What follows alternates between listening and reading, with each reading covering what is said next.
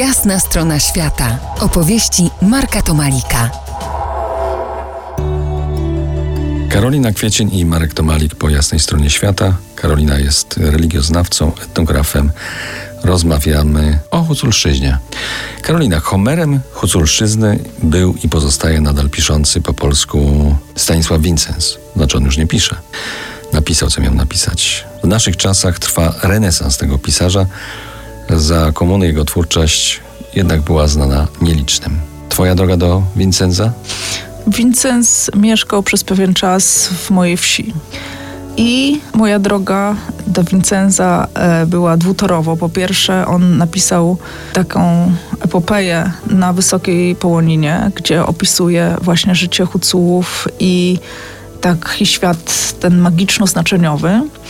A po drugie, moja sąsiadka, e, nieżyjąca już staruszka, jako dziecko mieszkała obok niego i była sąsiadką jego i jako dziewczynka pomagała tam w pracach gospodarskich czy kuchennych.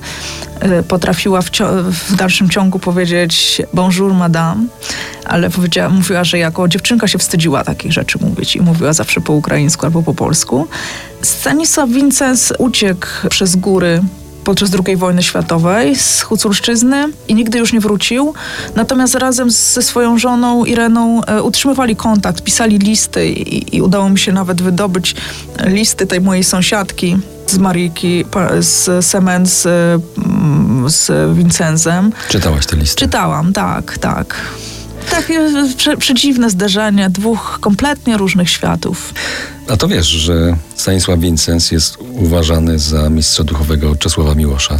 Tak, wiem. A powiedz, czy na fali resentymentu Stanisław Wincens został odkryty także na współczesnej Huculszczyźnie, że tylko tutaj u nas w tak, Polsce? Tak, tak, tak. Zaczął być modny też w Bystrecu. Troszeczkę tak jest, że Polacy przybliżyli tam Ukraińcom tę postać, przypomnieli, przypomnieli, nie przybliżyli, przypomnieli. E, natomiast e, tam jeszcze z tego co wiem, e, nie do końca, nie przetłumaczone są wszystkie jego dzieła. Nawet te, nie mówię, że wszystkie, ale nawet ta epopeja na Wysokiej Połoninie, nie wszystkie tomy są przetłumaczone. On pisał Staraniem... w języku?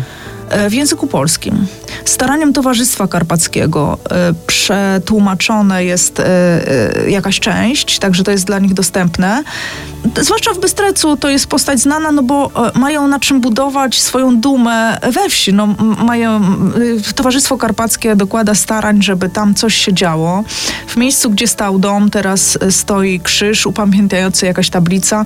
Nawet kilka kolejnych tam takich, nie wiem, pomników upamiętniających, czy jakiejś e, konstrukcji tam powstawało. Na przykład jedną ja osobiście uczyniłam e, podczas wymiany młodzieżowej z młodzieżą miejscową i polską. Zrobiliśmy taki dzwon z beczki po brędzy, który miał upamiętniać Stanisława Wincenza, ale długo nie postał, bo beczka była słona, przyszły konie i zjadły. Za niejaki kwadrans muzyczny zapraszam na ostatnią dziś część rozmowy z Karoliną Kwiecień. Porozmawiamy o tempie przemijania kultury huculskiej. To jest jasna strona świata w RMS Classic.